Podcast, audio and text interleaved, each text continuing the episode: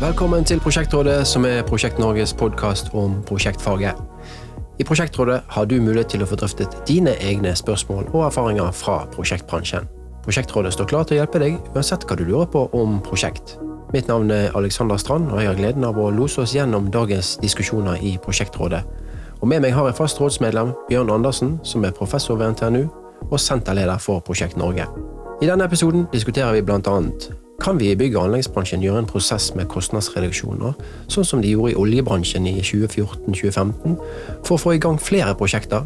Og hvordan er sammenhengene mellom plannivåene og dårlig eller god måloppnåelse i prosjekter?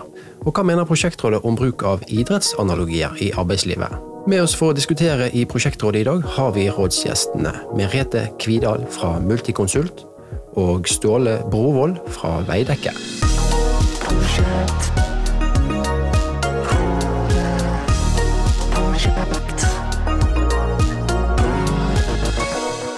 Velkommen til Prosjektrådet, Merete og Ståle. Takk, takk, takk. Takk, takk. Ja, Skal vi høre litt hvem, hvem er dere, og hva bakgrunn har dere? Vil du begynne, Merete? Ja, begge to har bakgrunn fra Statsbygd i Trøndelag, har vi skjønt. Det er jo interessant, men det er kanskje ikke derfor vi er her, da. Eh, nei, Merete Kvitalia og jeg er regiondirektør i Multiconsult i Region Midt. Mm. Det har jeg vært i et års tid. Før det så var jeg prosjektdirektør for NTNU på de store utbyggingsprosjektene for NTNU. Da. Eh, og med partnerskap med både Statsbygg og andre private utbyggere. Mm. Så er det også øh, erfaring fra offentlig sektor og prosjekterende og sånn tidligere, men jeg har også vært forsker på Sintef. Undervist på NTNU. Ja. Det virker som det er veldig lenge siden, og det er det nok.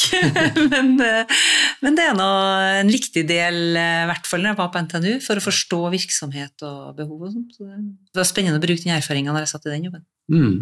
Det er det for så vidt nå òg, for nå leder jeg jo drøyt 300 stykker som stort, i veldig stort omfang er utdanna her. Ja. Så det òg er jo på NTNU. Så, Ja. Ja, litt variert bakgrunn er alltid nyttig å ha Ja. med. I tillegg så er jeg jo, jeg er jo utdanna her på NTNU, men jeg er sosiologi i grunnfag og også gått på BI i tillegg. Ja. Så også litt sånn variert. Veldig bra. Og du, Ståle, din bakgrunn? Og... Ja, Ståle Brohold, altså. Jeg er eh, nå eh, ja, såkalt fagleder i prosjektledelse i Veidekke Norge. Eh, og så Apropos eh, tida som har gått, ja, i, i morgen så er det faktisk 38 år siden jeg møtte opp i et lite anleggsfirma på Haslum i Værum, som het Veidekke.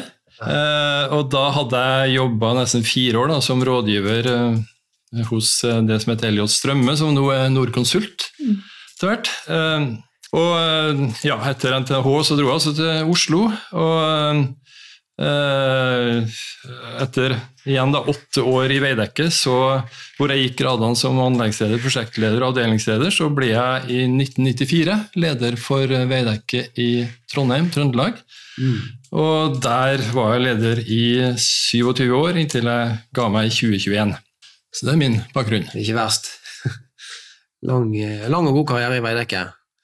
Ja, det har vært veldig spennende. Jeg har jo vært med på diverse rundt Eller, ja, jeg jeg tenker jeg har vært på diverse lederopplæringsrunder eksternt og liksom eh, eh, tenkt at fader, jeg har vært én plass. Men så, opplevd, så jeg, finner jeg ut at jeg har jo opplevd mye av det samme som alle andre, uansett. Ja. Så det har vært eh, mye som har skjedd i Veidekke siden 1985. Ja, ja. og eh, Vi har møttes hverandre et par ganger før. og når vi hører om involverende planlegging, så tenker jeg på deg, Ståle. Det, du er vel eh, IPs far, ikke du? Vi har jobba med det, og jeg har leda troppene, kan du si. Og der har vi jo jobba ikke minst da, med en forsker fra, arbeidslivsforsker fra NTNU, samfunnsforskning, Lars Andersen. og Han har jo betydd veldig mye for oss. Han eh, dro oss i nesen, nær sagt, og, og, og ville ha oss med på nye tanker. Ja. Så det var en veldig spennende prosess, da, som eh, etter hvert ble til involverende planlegging. Ja. Ja. Veldig bra.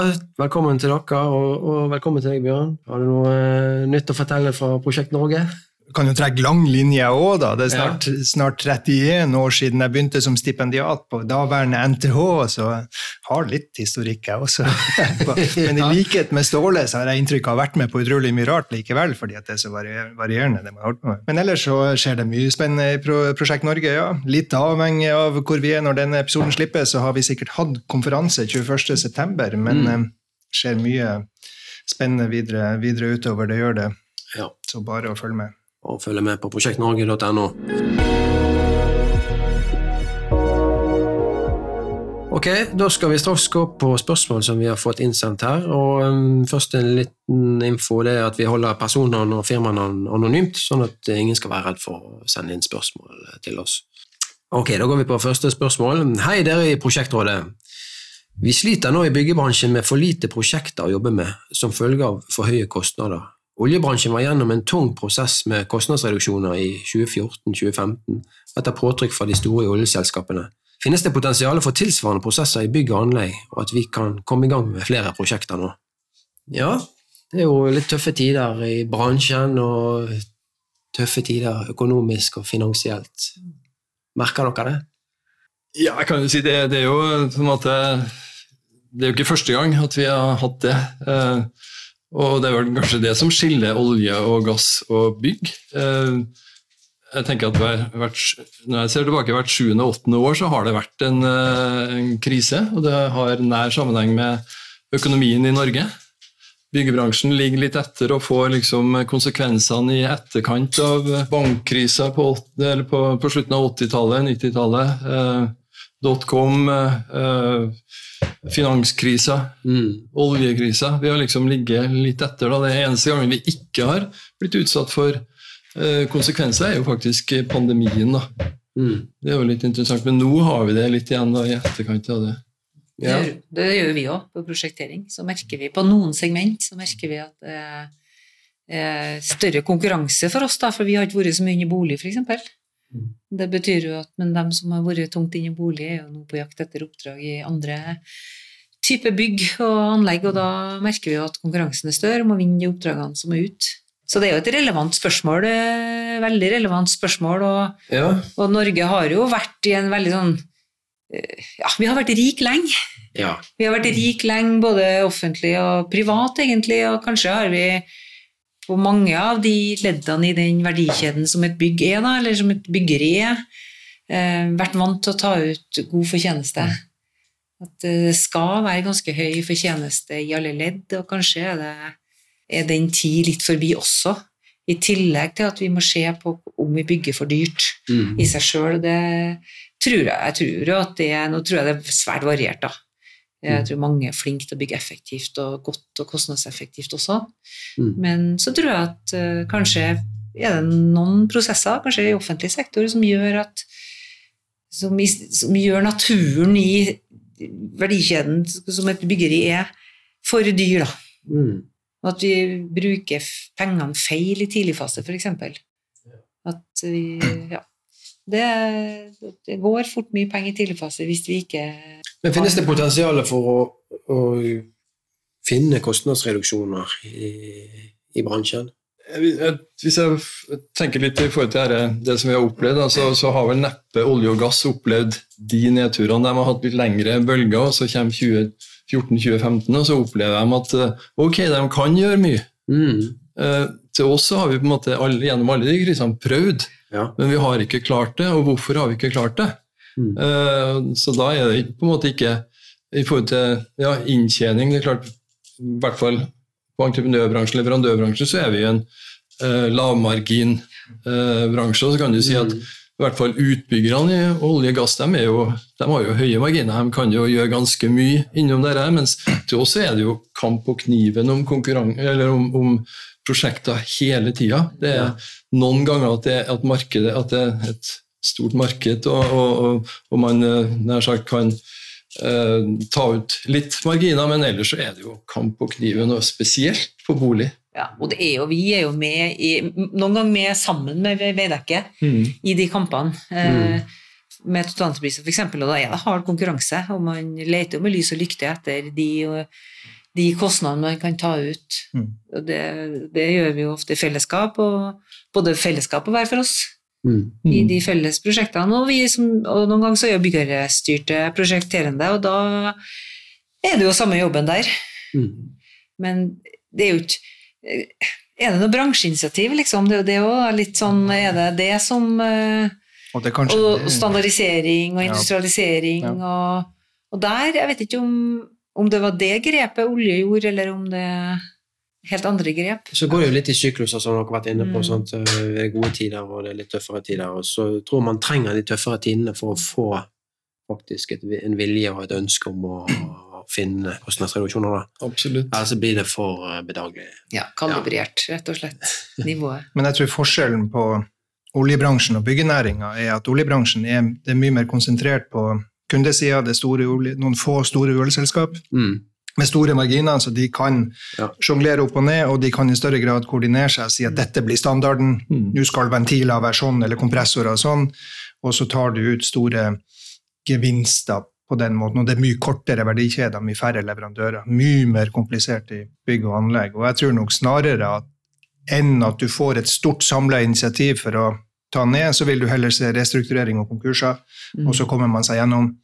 Og så kanskje man tar noen små prosent her og der, men de store kostnadskuttene tror jeg ikke man klarer å, å ta, rett og slett. Nei. Mm. Og, og parallelt med det, så Eller vi får til invariørende planlegging. Det, det var jo på 2000-tallet at vi begynte med det. og Da hadde vi jo også fått inspirasjon fra Lean Construction, eller trimma bygging. da. Ja. Og, det var jo en, en grei erkjennelse når, når noen forskere sier at jo, det er faktisk verdens mest krevende, eller mest komplekse produksjon dere har hørt med. Mm. Det er på en måte det kan beskrives ut fra kaosteori. Og da, da begynner det å liksom yeah. Ok, da må vi ta utgangspunkt i det, og hva gjør vi da? Mm. Og da var jo involverende planlegging, nemlig det med å ansvarliggjøre og sånn eh, greier. Og parallelt da så har vi jo Ja, jeg hørte jo fra Da hørte vi jo om, om nedgang i, i produktivitet i byggebransjen, eller rett og slett relativ nedgang, da, ikke bare i forhold til in, in, annen industri, men fra, fra 1970 og så i 2011 så kom det en ny fra, en måling fra 2010, eller fra 2000 til 2011 som sier det samme. Og så er det nå, hvis vi ser tilbake på ti år, så har det ytterligere gått ned. Mm. Så her går jo rett eh, vest, det visste Men, men det, det har jo andre det, må, det, må, det har selvfølgelig sammenheng med kompleksiteten, og, og selvfølgelig også med de jeg tenker de store endringene som har vært i, i kravene til, til bygg. da. Det er jo veldig komplekse ting man holder på med eh, i bygg. Mm. Eh, det er mange, mange krav, men det er også mange muligheter. da. Mye teknologi som innføres. Og, Mm. så det er, det er Og det er jo komplekse bygg, eh, oljeplattformer og anlegg, og sånt, men de, de bygges i større grad på et verft, industriell, industrielt. Så Mm. det er noen helt grunnleggende ulikheter mellom de to bransjene. I hvert fall har det vært det til nå, men mon om det må være sånn jeg, ikke- altså, Vi har jo jobba langt liv i byggebransjen, alle vi, liksom. Mm. Og selv om vi kjenner andre bransjer, så skal man jo være klar over at man kan bli litt, eh, litt bransjeblind og tenke at eh, nei, vår bransje er så spesiell at det bare må være sånn, og så Mm. griper ikke vi de mulighetene som kanskje kunne vært her, eller Mm. Apropos det, det er, jo, det er jo et paradoks at i en sånn konkurranseintensiv eh, virksomhet da, så er det lite innovasjon. Mm. Eller for lite innovasjon, eller innovasjon blir ikke tatt i bruk. Mm. Og det, det, det Jeg leste en artikkel det var interessant i forhold til ja, nor, Normalkurven eh, gjelder jo ikke for, for bygg, det er jo faktisk vesentlig større risiko for at, den, at det blir overskridelser. Kanskje faktisk tigangen. Mm. Eh, Og og det betyr at, at eh, når du Og så måler vi, så har vi lavmarginer, og så måles prosjektlederen på resultat, ikke på hva han Ja. har gjort utover det. Ergo så og med den risikoen som er da, i alt det du gjør, så, så velger en å unngå å ta risiko på nye, nye måter å gjøre ting på, eller inno- Mm. innovative måter. Eller i hvert fall i bransjen som helhet gjør det. Mm. Og så er jo Bjørn inne på det med at det er mange små aktører, og det å ta løft på innovasjon og nyskapning, det er krevende. Altså. Det er det. er litt risiko med det, og det er risiko både for, for den, som, altså den som gjennomfører og bygger, og den som prosjekterer. Og, og modellene vi har, er kanskje ikke egnet for det heller, at, at vi står sammen og solidarisk i en sånn situasjon. Mm. Så det å se på modeller for nyskapning og innovasjon, og kanskje litt bredere enn bare noen få objekter innen bygg, da, det syns jeg høres veldig interessant ut. Og, og Trondheim er jo en by med et stort, en, en sterk innovasjonskultur. Mm med, med NTNU, Sintef, men også med veldig mange nyskapningsbedrifter og entreprenørskolen her. Så vi burde jo egentlig være i stand til å etablere et sånt mm. samarbeid mm. i Trondheim her. Jeg tenker litt på, Dere har vært nå litt inne på at man kan, kan gjøre noe innovasjon i prosjekter, selvfølgelig. Mm. Og så kan man gjøre noe som bransje som helhet. Mm. Og så tenker jeg tilbake Kanskje 20 år siden så var det noe som het Byggekostnadsprogrammet. Og så har det vært andre sånne programmer siden. Mm. Eh, BA2015, Bygg21 og sikkert flere. Jeg vet ikke, du Bjørn, Har du noen historiske data? Har det, har det ført til noen kostnadsreduksjon av disse programmene? Jeg har vel ikke noen sånn empirisk data, men jeg vet jo at byggekostnadsprogrammet, som kanskje var det første av litt sånn store løftet, det, det klart man gjorde mange studier der. Vi hadde jo til og med et prosjekt der vi så på trimma bygging, eh, fase to, Ståle, der Lars og flere var med på det og evaluerte, og der gikk jo kostnadene ned fra fase én til fase to, fordi at man gjorde ting bra på St. Olavs. Men eh, jeg, jeg tror nok også eh, erfaringer med sånne program, enten det er Bygg21 eller byggekostnadsprogram osv., at det, det setter seg litt sånn avleiringer her og der, og det akkumulerer seg i noen små lag, men, men det blir ikke de store løftene av det. Og, og det Men apropos det, det gikk jo fra 2005, ja der var det jo faktisk eh, det var 130 boligprosjekt som ble sjekka. Man skulle, jeg var ute etter produktiviteten. da. Eh, og nå, har ikke, nå husker ikke jeg detaljer, men i hvert fall så, så var det fra det laveste til høyeste så var det dobbelt så høy kostnad. Mm. Uh, og da, da lå jo det på mange elementer, slik at, at det var jo noe å lære av det hvis man hadde liksom løfta det videre. da. Absolutt. Så snakka vi jo litt om i forrige episode med andre gjester om at det har vært en trend fra de her armlengdekontraktsformene der man liksom kontroll og mistillit og sånn, til Ja. at vi nå i mye større grad er involvert og samspill og samhandling og hva det nå heter, alt det her, og at det i hvert fall har gjort at kanskje samarbeidsklima, konfliktnivå og sånt er blitt bedre, men om vi kan lese det på kostnad per kvadratmeter, det er kanskje ikke like sikkert. Nei, men, men jeg, jeg tror at det, det er veldig spennende. Jeg tror at når uh, Merete og vi i Veidekke kan uh, ha et felles mål og en, mer en uh, felles eh, eh, økonomimodell, så, så, og har eller felles incitament, da, så, så har vi gjort noe mye. Da, da har vi ikke minst så har vi fjerna de her kostnadene ved, og ved diskusjonene som, som man har, og det her gjelder jo absolutt alle. Jeg tror at det er, bort fra det transaksjonsopplegget som du snakka om, og mer over på, på, på samspill, team. Eh, for- Ja, rett og slett eh, se på hva, hvilke krefter, hvilke drivkrefter har menneskene. Ja, det tror jeg. Og jeg tror om vi ikke kommer i samme økonomimodell, så må vi ha respekt og forståelse for hverandres økonomiske modell. Ja, Sånn at vi skjønner hverandres Mm. mekanismer og hvordan det Mm. påvirker det ene og andre. For at jeg tror eh, I hvert fall sånn som nå, så selger vi timer på et vis, enten gjennom fastpris eller i et, eh, i et annet regime, og dere produserer på en annen måte Mm. eh, gjennomføringsfasen. Så det tror jeg, men den åpenheten, den gjensidige forståelsen og den viljen til å ta på seg andre hatten og ikke, ikke altså Du snakka om klima og ikke bli bølle, verken på ene eller andre sida. Det tror jeg er litt av nøkkelen til å komme i en, i en situasjon hvor vi tør å være innovative overfor hverandre òg, da. Mm. For at du, du blir så ja, Kanskje, altså det, det må jeg si, altså selv, om, eh, selv om nå har jeg vært i den bransjen i mange år og vært ute med vinterdager, men, men det å bli møtt med eh, mistru og litt høy røst, Mm. det det er ikke inviterende til å blottlegge deg for ideer du ikke er helt sikker på er gode. Sant? Og det å tørre å legge fram ideer som du ikke er helt sikker på er gode, Mm. det er jo Det blir, det blir vesentlig, tenker jeg. Eh, og, og jeg leste, nå leste jeg en artikkel om eh, utvikling av ledergruppe. for Det har liksom vært en diskusjon skal ledergruppene være ulike eller like for å fungere best.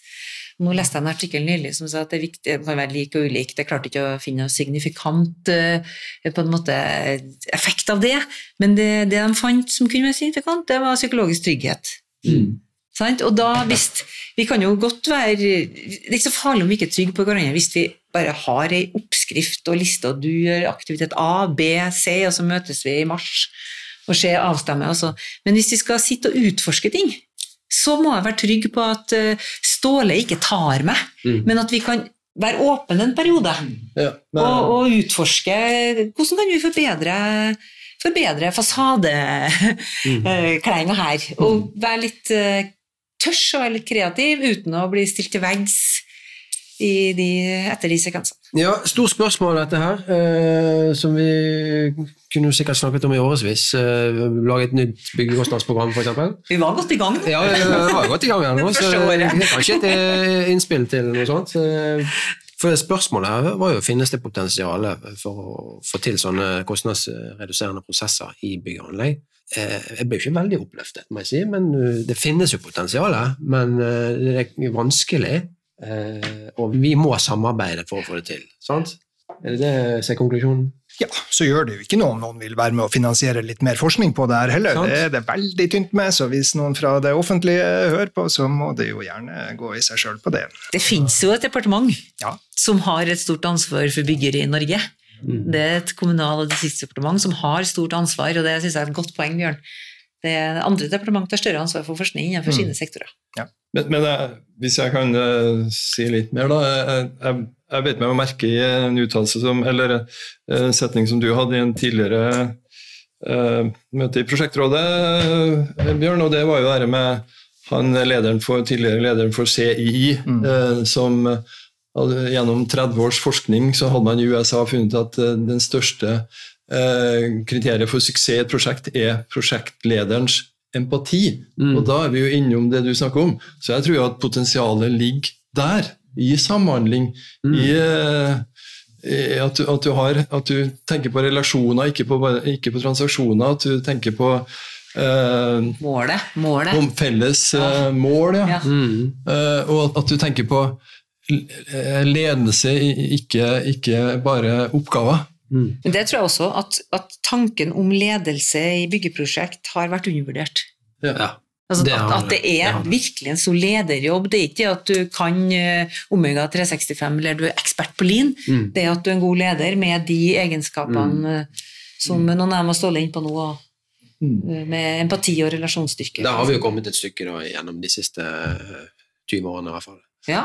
Så det går jo rett vei. Ja. Ja, vi har det, men jeg, jeg lurer liksom på om bransjen er så opptatt av sin egen boble at man ikke har eh, en måte fanga opp alt det som har skjedd. da. Ja. Jeg tror det er noe der. Kanskje litt fordi det. som Bjørn beskriver, at det er mange små aktører. Og at det er vanskelig. Mange har mer enn nok med å holde snuten over vann, og spesielt i perioder hvor vi egentlig trenger mer innovasjon enn noen gang. Mm. Og da eh, får ikke vi, får ikke mobilisert. Ja, ja, Bjørn, hva det pleier å stå i sånne forskningsartikler? Det trengs mer forskning på temaet, eller noe sånt. Gjør det. Så kan man jo håpe på noen disrupsjon her. Vi snakka jo sist om AI som kanskje kan eh, gjøre mye prosjektering, og det kommer roboter og kanskje som kan gjøre andre ting. Ja. Vi får se. Mm. Ok, skal vi hoppe videre? Hei, Prosjektrådet. Jeg har en påstand. Mangelfull arbeidsplanlegging og manglende sammenheng mellom plannivåene er en av de viktigste årsakene til dårlig måloppnåelse i prosjekter. Dette medfører dårligere produktivitet, dårligere HMS og dårligere kvalitet.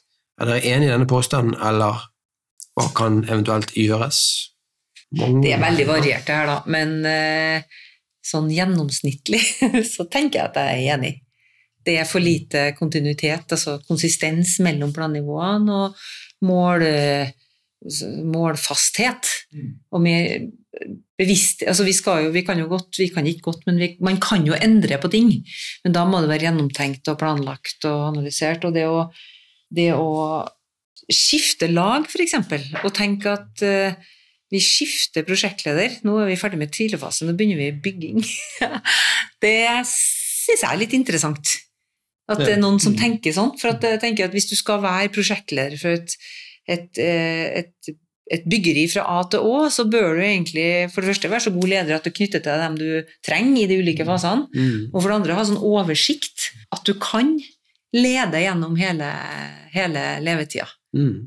Og, og sørge for at, at det er en, en viss kontinuitet, og ikke minst for en målfasthet. Da. Mm. Ja, og kanskje til og med faste samarbeidspartnere i mye større grad. Eh, Ja. Det er klart, eh, De som jobber med innkjøp på NTNU, de har jo pirka borti bransjen eh, borti meg da, i 20-25 år i forhold til akkurat det der. Jeg beklager det. Du må være mye bedre til å, til å jobbe sammen. Mm. Men, men jeg, jeg tenker at jeg er jo ikke i tvil om at det her er riktig, og jeg tror ikke vi klarer å løse det heller. Det har alltid vært sånn, og det, det kommer til å være sånn, fordi det er så stort potensial i det. Og vi, vi snakka om eh, eh, om involverende planlegging. Det er jo ikke noe tvil om at manglende planlegging, manglende kommunikasjon, er den største utfordringa vår. Og det ligger jo der. Det er sånne lag imellom eh, de forskjellige gruppene som holder på. Det er ikke den der dynamikken imellom. Og ja, involverende planlegging, da. Ja, det kan kanskje svare på dette? Eller? Det svaret på det. ja. Det enkle og vanskelige svaret. Og samtidig så handler det om ledelse. Ja, ja. Det, det, det handler jo om at, eh, at du involverer. At du ikke bare involverer, men gir ansvar. Da. At du Mm. ikke, nær sagt, ikke bare sørger for eh, psykologisk trygghet, men også ansvarlighet.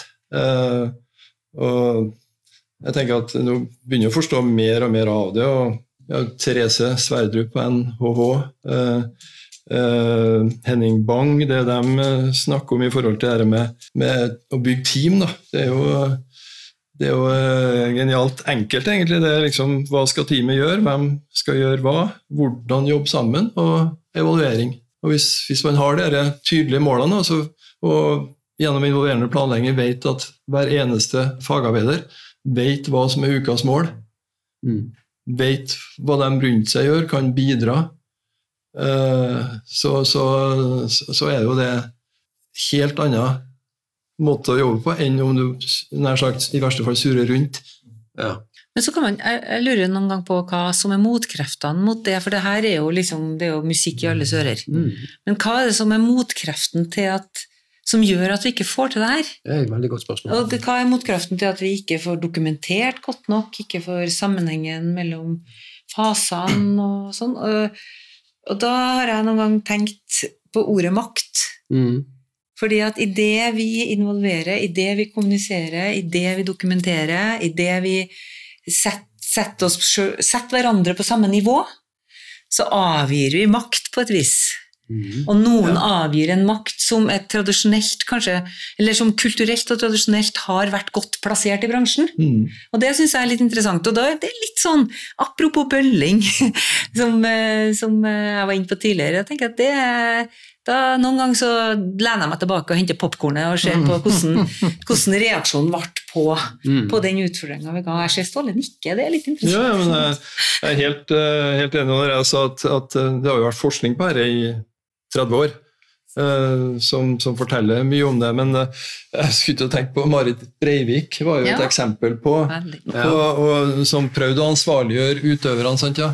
uh, genialt. Hun har jo vært vårt store forbilde. Mm. Eh, men hun ble jo herja med av de her håndballtoppene, tre- de andre tre- trenerne i den, første perioden, så det var jo magisk når hun på siste idrettsgallaen, ja, når hun fikk eh, hedersprisen, da, nettopp på, gren, på grunn av hennes eh, eh, involvering og, og ansvarliggjøring av spillerne. For det er, jeg syns ofte i de prosjektene jeg har sittet i, så, eller noen av dem i hvert fall, så eh, driver man og snakker om tillit. Mm. Man bruker ordet tillit i Ja, ja. på en måte tide og utide. Ja. Istedenfor å jobbe tillitsbasert, sånn at vi slipper å snakke om det, men at vi blir overbevist hver dag om at det her er åpent, det er tillitsbasert, de kommer til å lytte, og hvis det, Mm. Hvis det, hvis det er smartest det jeg kommer med, så kommer jeg til å bli lytta til. Ikke fordi at eh, Og ikke bli avskåret fordi det er egentlig noen andre som skal bestemme. Mm. Så jeg tenker at det er um, er vi for mye konkurrenter? Eh, Jeg tenker litt på Nå er dere litt inne på idrett her og, og lagspill. sant? Eh, Det, i, i, I prosjekter så må vi spille litt på lag. Eh, Eller vi må spille veldig på lag. Mm. istedenfor å være individualister og konkurrenter. Eh, Er det for mye konkurranse? Som, eller eh, klarer vi dette lagspillet? men, men jeg har spilt Eliteserien håndball. Ja. Og da er det jo sånn at du spiller på lag med din på en måte argeste konkurrent mm. om den plassen. Og den kunsten da, å innse at å, nå hun strået hvassere enn meg. Mm. Min jobb nå er faktisk å gjøre hun enda hvassere. Mm. Med all den kunnskapen jeg har. Jeg var målvakt, og jeg hadde brukt fem timer dagen før på å studere hvor Annie Andersen skjøt når jeg bøyde seg til høyre litt før nimeteren. Og da måtte jeg, når jeg hadde sensa det, så måtte jeg dele det med min konkurrent, som da fikk starte den kampen. Noe annet ville jo være veldig illojalt. For målet i, et, i en håndballkamp er jo øh, når fløyta går til slutt, at du har minst ett mål mer enn motstanderen. Mm. Og der, der, det er, jeg tenker på det hver dag på jobb, at Ja. nå må jeg Nå må jeg dele, nå må jeg eh, sant? Tenke Da må du være raus. Ja. Ja, man må Du må ha være raus. raushet i det. Mm, mm. Og trygg. Ja, veldig trygg. Ja, må være det. Så at, ikke eh, og tål. Og så må du også tåle at det var naboen da som fikk være eh, ribb Ja. på det, fordi at du, du supplerte med noen opplysninger som gjorde at han så lyset. Eller, eller at det blir, det blir entreprenøren Mm. som ah, får den informasjonen som gjør at han russer opp, og så, Mm. og så er vi da på lag med f.eks. Veidekke Mm. framover. Og så er det noe med, da, det er noe konkurranse i det her, da. Ja. Apropos, du var inne på hvordan, hvordan eh, ja, både kanskje offentlige anskaffere, men også private, herjer litt med bransjen for å skape en konkurranse. Det er jo viktig at vi opprettholder konkurransen, Ja. åpenheten i en konkurranseform. Og så er det kunsten å finne former for samarbeid som ikke hindrer utvikling og innovasjon, da, og, og reduksjon i total kostnad, for vi kan jo ikke, det kan jo ikke eskalere. Da, Men det var jo spørsmål, spørsmålsstilleren her er vel inne på hva som skjer når du har fått prosjektet og du er begynt å planlegge og skal utføre, og da burde det jo ikke være så mye konkurranse lenger heller. Da er det jo snakk om å koordinere planene Ja, ja. sine. Ja. vi er enige om at håndball er et bra eksempel. Men... Ja, ja, ja jeg, jeg, jeg har holdt med alpint, så jeg har liksom fulgt med den bransjen. Men Du visste om Marit Breivik, da, og det er jo lagspill. Ja, det er jo fantastisk. Nå har jo individuelle idretter også fått mer oppmerksomheten rundt verdien av et lag. Ja, nemlig. fordi alpinlandslaget, der, der har de jo en del prinsipper. Um, interessant. Først i bakken. Eh, hjemmebane, eller bortebane, hjemmebane. Men det er også at laget betyr, betyr alt. Det tjener jeg på. Liksom for å få med laget betyr alt, men også at stadfeste at det tjener jeg på. Og det har jo vært eh, kanskje det beste, verdens beste herrelandslaget de siste 30 årene. Ja. Og det er jo ledelse og kultur. Men hvis man skulle prøve å svare vedkommende som, som lurer på hva man kan gjøre her, da, Ja. så, så tror jeg, du sa jo helt tidlig, Ståle, at jo svaret er nok involverende planlegging, eller du kaller det lean eller takt, eller hva det er. Mm. Ja. Men da er jo hele poenget at alle som skal bygge, må være koordinert, og du setter av sånn at du har de uker når du som fag er inne, det gir en mye ryddigere byggeplass, det går ikke beina på hverandre, og ingen skader hverandre, osv. Så, videre. så det tror jeg jo er mye godt uh, svaret her. Jeg tror det. det, det vi, vi, tok en liten lang runde til Ja. eh, svaret, men, men det er fint. Og eh, det å spille på lag og bygge felles kultur i prosjektene tror jeg er eh, vei å gå. Men dere skal få snakke mer om idrett nå Ja. på neste spørsmål. Det kommer her. Kjære prosjektrådet, benyttelse av idrettsanalogier i arbeidslivssammenheng er, var i hvert fall tidligere, populært, men kan oppfattes som lite relevant fordi yrkeslivet ofte er mye mer sammensatt og komplisert. Hvis vi i stedet for tankeeksperimentets skyld projiserer yrkesanalogier over i idretten, hvor mange på et håndballag ville da vite hvor målet finnes på banen, og hvor mange ville spille mot det målet? Hvordan vil det ta seg ut om skiløperen blir nedbrutt og sykemeldt når han får tilbakemelding på forbedring av skøyteteknikken sin? ja, Merete, du har vært håndballspiller. Hva da, tenker du om det? Nei, jeg tror det er ikke så dumt, for det, håndball er et ganske teknisk spill med ganske mange regler. Og det tar, Jeg har vært håndballtrener for ungene, og det tar ganske lang tid før man mestrer de reglene. Du skal trene ganske mye på de reglene før du mestre dem. Og da er det ikke bare at du skal sprette ballen rett og skyte, men du skal, du skal forstå at den streken betyr det, og den streken betyr det, og du kan ikke gjøre det. Og det tenker jeg kanskje vi har tatt for lett på, ja. Mm. Eh, Å forstå reglene, ikke bare si at det er lin og her bestemmer jeg, men at det er her er reglene. Også, reglene er også et felles mål, da. Mm. Det å forstå reglene er også et felles mål. Det å forstå rutinene, det å forstå arbeidsmetoden, det å forstå lean likt. For det er også litt forskjellig forståelse av det. Um, så det men, uh, men vi, vi er jo uh, uh, du, skal, du skal ikke bort fra at idrettsutøvere også blir litt nedbrutt når de får beskjed om at teknikken det, det kommer jo alt an på måten det formidles på. Ja. Så det er jo kommunikasjon, som Ståle var inne på i stad, som er helt avgjørende da. Sant? Men apropos håndballbanen, den, den er jo kanskje litt mer eh, standardisert, for, å bruke det begrepet. Ja. Enn eh, Ja. en vi, sånn som vi opererer i eh, prosjektbransjen. Sant? Den har jo, håndballbanen har jo sine eh, markeringer, sin eh, oppmerking. Det er så mange spillere, Mm. vi vet hvordan vi skal Mm. spille, hvor lenge vi skal spille og alt dette her. Mm. Har vi behov for mer standardisering? Det var kanskje et eh, bispørsmål her, men jeg bare kom på det. Retorisk ja. Jo, men Det er vel fordelen med, med så veldefinert som en idrett, at der er Mm. reglene og banen og rammebetingelsene og alt er gitt. Og, og, og når du mestrer det én plass, så mestrer du det overalt. på en måte. Da kan Ja. du bytte lag og, og Ja. bane osv. Mm. Mens, i bygge, mens i byggebransjen og i andre plasser i næringslivet så er spillereglene mye mindre definert, sånn Ja. at du må mer tilpasse og være dynamisk, kanskje. Mm. det, det er jo viktig å ha et mål, eh, og at, eh, at alle har et mål, og at alle kjenner målet. Eh, Mm. og, og, og så kan man jo selvfølgelig er det, jo, det beste er jo om det er det samme målet, Ja. men det er jo litt, litt verre. Men når man har, hvis man har tydelige mål, så kan man i hvert fall begynne å diskutere. Har man, eh, og, og- det er jo jeg tenker det er, jo, det er jo det som er fantastisk da, med, med samspillsprosjekter. Her i Trondheim så har vi jo vært eh, heldige som har eh, hatt ganske mange av dem. Mm. Eh, og det er, jo, det er jo magisk av og til, eh, når liksom alt klaffer og, og alle jobber i samme retning, og du til slutt f.eks. har en kunde da, som sier at eh, ja, på spørsmål kunde, er det noe du ønsker å gjøre annerledes? Nei. Ikke? Nei.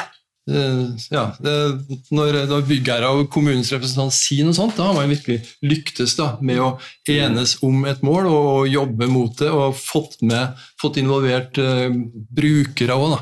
Jeg vil jo si at, at der er jo kanskje vi entreprenører ganske mye flinkere enn en kanskje byggherrene til å rett og slett lage den arenaen hvor brukerne får plass og får komme med sitt. Eh, og de er jo en nøkkel i forhold til å lykkes ordentlig med prosjektet. Da. Mm. Og ikke minst for brukerne jobber med de riktige spørsmålene, Ja, og ikke med det som ja. ikke spiller en rolle. Men, Mm. men spilleregler, altså i et samspillsprosjekt så er det jo tydelige spilleregler. Mm. Man blir jo enige om det regelsettet. Ja. Og det er jo ikke samme de- regler. Altså, det er jo selv om, selv om det er flere halvidretter, så er det jo ulike regler i basket og håndball. Jo. Og det er jo Mm. konteksten, oppmerkinga på banen, som bestemmer reglene. Og, og sånn tenker jeg jo at det er et byggeprosjekt. Og selv om det er et Mm. byggeprosjekt, så er det jo ikke samme konteksten og omgivelsene. Noen har mye teknologi, noen har lavteknologi, noen har store haller, noen har mange rom. Mm. Noen trenger betong, eh, noen trenger ikke. Altså det er, og, det, er, og det gir ulike Det kan gi ulike behov for spilleregler. Mm. Bare det. Og ikke minst så er byggherrene veldig forskjellige. Mm. Sånn, Offentlige byggherrer har jo kanskje et større behov for kontroll, kanskje har de litt annen bestillerkompetanse, mens privat, noen av private byg- byggherrene vi har brukt, også sammen med Veidekke, er veldig på og veldig aktive, Mm. sammen med, med prosjekterende og entreprenør. Og klart at det, det, er forskjellige kontekster, vi må lage spillereglene etter det, ikke at det skal skje i en hall. For da, hvis jeg tror at en basketspiller blir overraska hvis eh, noen spiller med håndballregler, selv om det er en hall. Så det, Og hvis man klarer, klarer å enes om den første spilleregelen som etablert, eller ja, etablert, det å etablert tillit, da, mm. så, så har man jo en helt annen uh, setting, tenker jeg. Og, og i forhold til, til En ting er jo, er jo kunden eller byggherren, og gjerne offentlig, da, men det er klart at har man gjennomført en konkurranse og fått en jobb, og så kommer det inn en byggeleder som ikke kjenner oppgaven, og som skal vise at han duger, og at han klarer å gjøre jobben for byggherren, da har man eh, spolert eh, det som er bygd opp, og, og, og har i verste fall en, en, en krig. Da. Og jeg tenker det er ingen av oss som har gått på NTNU i fem år som er, så for oss eh, den krigen. Vi ønsker, vi ønsker faktisk alle å levere Mm. best mulig. Det er utgangspunktet vårt. Helt enig. Men Bjørn, jeg tenker litt på f.eks. dette med samspillsmodellen, som vi nå har jobbet med i kanskje 20 år eller noe sånt i Norge. Eh, eh, også dette med andre modeller. Det finnes jo mange andre modeller. Altså, det er mange måter man kan gjøre et prosjekt på. Mm. Eh, og jeg tror det var hun som heter Wenche Aarseth som gjorde noe studie på dette med samspill. Hva betyr samspill? Spurte 50 stykker, fikk 50 forskjellige Ja, svar. sant. Mm. Har vi for mange modeller, Bjørn? Eller eh, Det tror jeg, og det ligger vel litt i sakens natur at konsulentfirmaer, forskere og andre har et slags insentiv for å lage sin modell med sitt navn på for å bli kjent for det, og så er det kanskje litt variasjoner og litt for pynten sin del og litt for at genuint tror det skal være annerledes. mm, Men at det er lett å gå seg vill i en sånn jungel med masse modeller med, med ulike navn og IPD og allianse og samspill og Det blir hete- håndbasketball. Ja, det kan du si. Ja, altså, det blir blandinger av Jo, forskjellige jo. ting. Men, men jeg tror jo, akkurat som vi var inne på, altså i idretten så er bane hvis det du spiller på, og regler og alt er standardisert, og alle kan de og forholde seg til det, og dermed så går det ganske smertefritt. Mm. I byggebransjen så eh, hvert prosjekt har til dels sine spilleregler og sine, sine rammer du må forholde deg til, og da blir det vanskeligere å Mm. perfeksjonere og bli bedre fra gang til gang. Mm. Så, Du må få bruke tid i starten av prosjektet Ja, på å si det sånn, sånn vil vi gjøre det i dette Ja. prosjektet. Nettopp. Ja. Og for å etablere den tilliten, da. Ja. Og så slipper vi å snakke mer om tillit, for det strukturelle gjør at den tilliten kommer og eksisterer og bevares. Mm. Men så synes jeg jo, spørsmålsstillerne aner jo her at vedkommende kanskje ikke er så imponert over, over idrettsutøvere, og at man skulle bli sykemeldt og nedbrutt hvis man får tilbakemelding. Men jeg, jeg tror jo at noe av det som, som skiller idrettsutøvere fra folk i næringslivet, er jo at idrettsutøvere nettopp er vant med å bli målt hele tida. Idrett er jo måling, enten det er poeng eller tid eller lengde eller score eller hva det er. Og, og du er vant med å få tilbakemelding fra trenere og fra de du konkurrerer med, og, og, og du ser hver eneste dag midt i trynet hvor god eller dårlig du er. Mm. Så jeg tror jo ikke idrettsfolk blir nedbrutt av sånt. De kan selvfølgelig ha tunge dager, de òg, men jeg tror de er mye mer innstilt på at da må vi trene mer, da må vi forbedre det, da må vi se på utstyret der, Mm. osv. Så, videre. så den her kulturen for å hele tida strekke seg og bli bedre, tror jeg er mye sterkere i, i, i idrettssammenheng enn i næringslivet. Jeg, tror, jeg tipper kanskje idrettsutøvere er er kanskje litt mer komfortabel med Ja. å stå i det ukomfortable. Altså, det å Mm. hele tiden kjenne at du må strekke deg og utvikle deg og utvikle deg. Eh, kanskje. Det er, det er i hvert fall noe som må skje hele tiden hvis du skal bli bedre. Men det, men det, er jo, det er jo å se potensialet i, det, og, i den forbedringa. Vi var på, på Rundt 2000-tallet så var vi på Karmøy, på det som het Kabelfabrikken der. og, og, og De holdt jo på med, med lin, hadde holdt på med, med kontinuerlig forbedring i 20 år. Og, og der var jo sånn at Mitt tankesett var jo da at fader òg, der gjør vi noe så dumt som det der. Det var helt forferdelig at vi kan gjøre noe så dumt.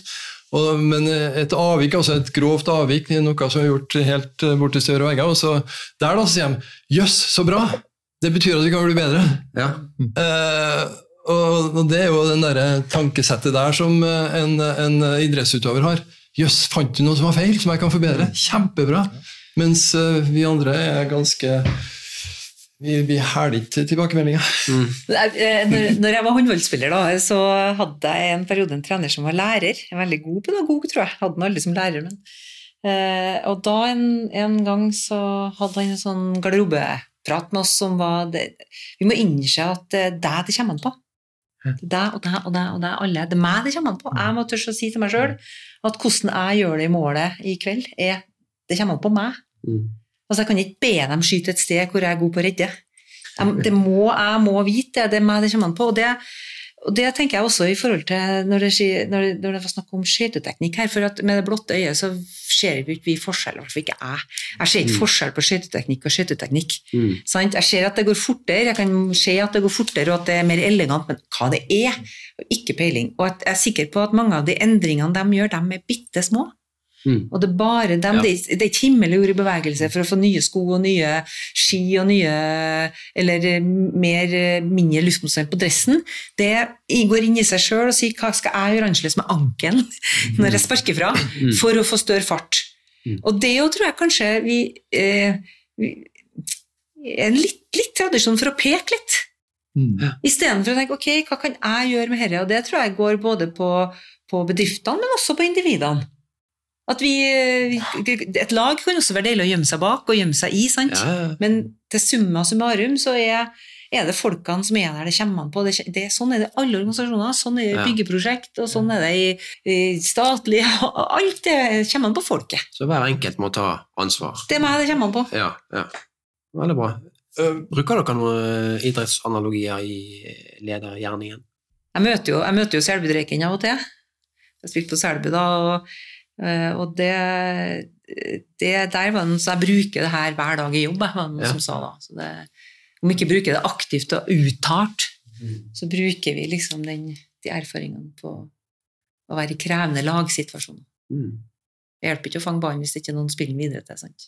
Nei, eh, det, er, det er veldig relevant aktuelt, syns jeg. Spennende. Mm. Så vi har hatt massevis av idrettsutøvere innom eh, huset. og eh, hadde jo også en, en eh, ja, For noen år siden Håvard Kjørom, som var landslagssjef i en periode og ble årets trener i 2015. og det er klart det var det er jo litt på sida, men det gir inspirasjon. da. Mm. Og, ja, liksom, først i bakken, f.eks. Hva betyr det? Hva kan det bety for oss? Sånne prinsipper som er sånn spennende. Da. Og, eh, Nils Arne Eggen sine postulater, det er klart det er, ligger noe i dem som eh, På en måte så har han catcha det med ny ledelse før vi i næringslivet gjorde det, og ergo så, så kan vi dra veksler på det. da. Just det der ja, flytsonen, ja, hva er nå det for noe? Mm. Det er, ja, det begynner å forstå det etter hvert, så, så ser du at du må behandle Ja. eh, utøverne på byggeplassen på samme måte som idrettsutøverne, så det er klart det er store synergier akkurat akkurat Det er på en men ja, det Ja, menneskelige planet. Ja, det tenker brukbart. det. Ja. Nyttig her. Er det noe forskning på øh, Ja, det er det. Relasjoner altså. mellom idrett og ja, ja. Det er ei som heter Rosabeth Moss Cantor, hun er vel ved Harvard, tror jeg, Ja. som har sett mye på, på, på idrett, og annet sett på en bok som, om winning og losing streaks, altså det at du får sånne seiers- eller tapsrekker der de liksom blir sånn selvforsterkende. Hvis du virkelig er og vinner og vinner og vinner, så, så vinner du stadig vekk, uansett om du har oddsene mot deg, og omvendt. Og det har jeg studert både i ulike idretter, men også da i næringslivet, flyselskap og andre, og finner at det er helt klare paralleller. Så jeg er ganske overbevist om at det er mange lærdommer fra idrett som kan overføres mer eller mindre direkte, eller litt oversatt Mm. til næringslivet. Ja. Så jeg er jo heldig å være på i noen gullår når det gjelder å være fra Bodø, der vi har et Bodø-Glimt som, som eh, om litt rusk så gjør, har gjort det ekstremt bra de siste årene. Og der også, tror jeg. Og er, vi hadde faktisk en oppgave, en prosjektoppgave utlyst for en student å kunne se på hva Glimt gjort for å gå fra nær konkurs til toppen av norsk fotball på, på få år. Nå ble det dessverre ikke noe av ulike årsaker, men eh, jeg tror det er mye å lære av sånne ting. Det er det absolutt. Ja. Nei, men bra. Vi liker idrettsanalogier, vi. Så da øh, får vi si at det er ting man kan ta med seg inn i arbeidslivet òg. Hei igjen. Da er vi kommet til veis ende i denne episoden av Prosjektrådet, og vi takker våre rådsgjester Merete Kvidal fra Multiconsult og Ståle Brovold fra Veidekke.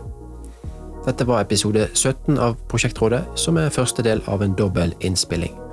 Og nå kan du glede deg til episode 18 av Prosjektrådet, der du får høre mer om problemstillinger fra prosjekter.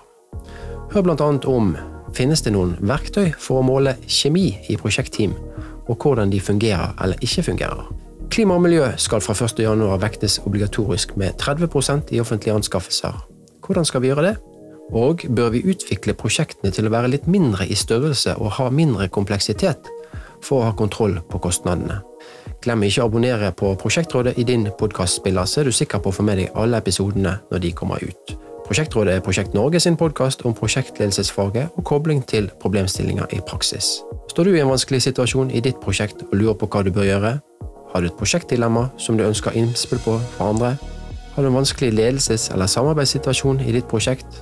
Har du erfaringer fra situasjoner som du kanskje tenker kunne vært løst bedre, eller kanskje gode erfaringer fra et prosjekt der alt gikk på skinner?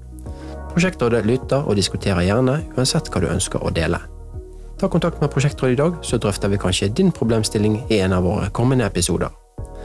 Send oss dine spørsmål og temaer på post krøllalfa prosjektnorge.no. Og lytt gjerne òg til vår søsterpodkast Prosjekteffektpodden, som du finner på prosjekteffekt.no, eller der du liker å høre podkast. Prosjektrådet er produsert i samarbeid med T2 Prosjekt, og mitt navn er Alexander Strand. Takk for at du var med oss, så høres vi igjen i neste episode av Prosjektrådet.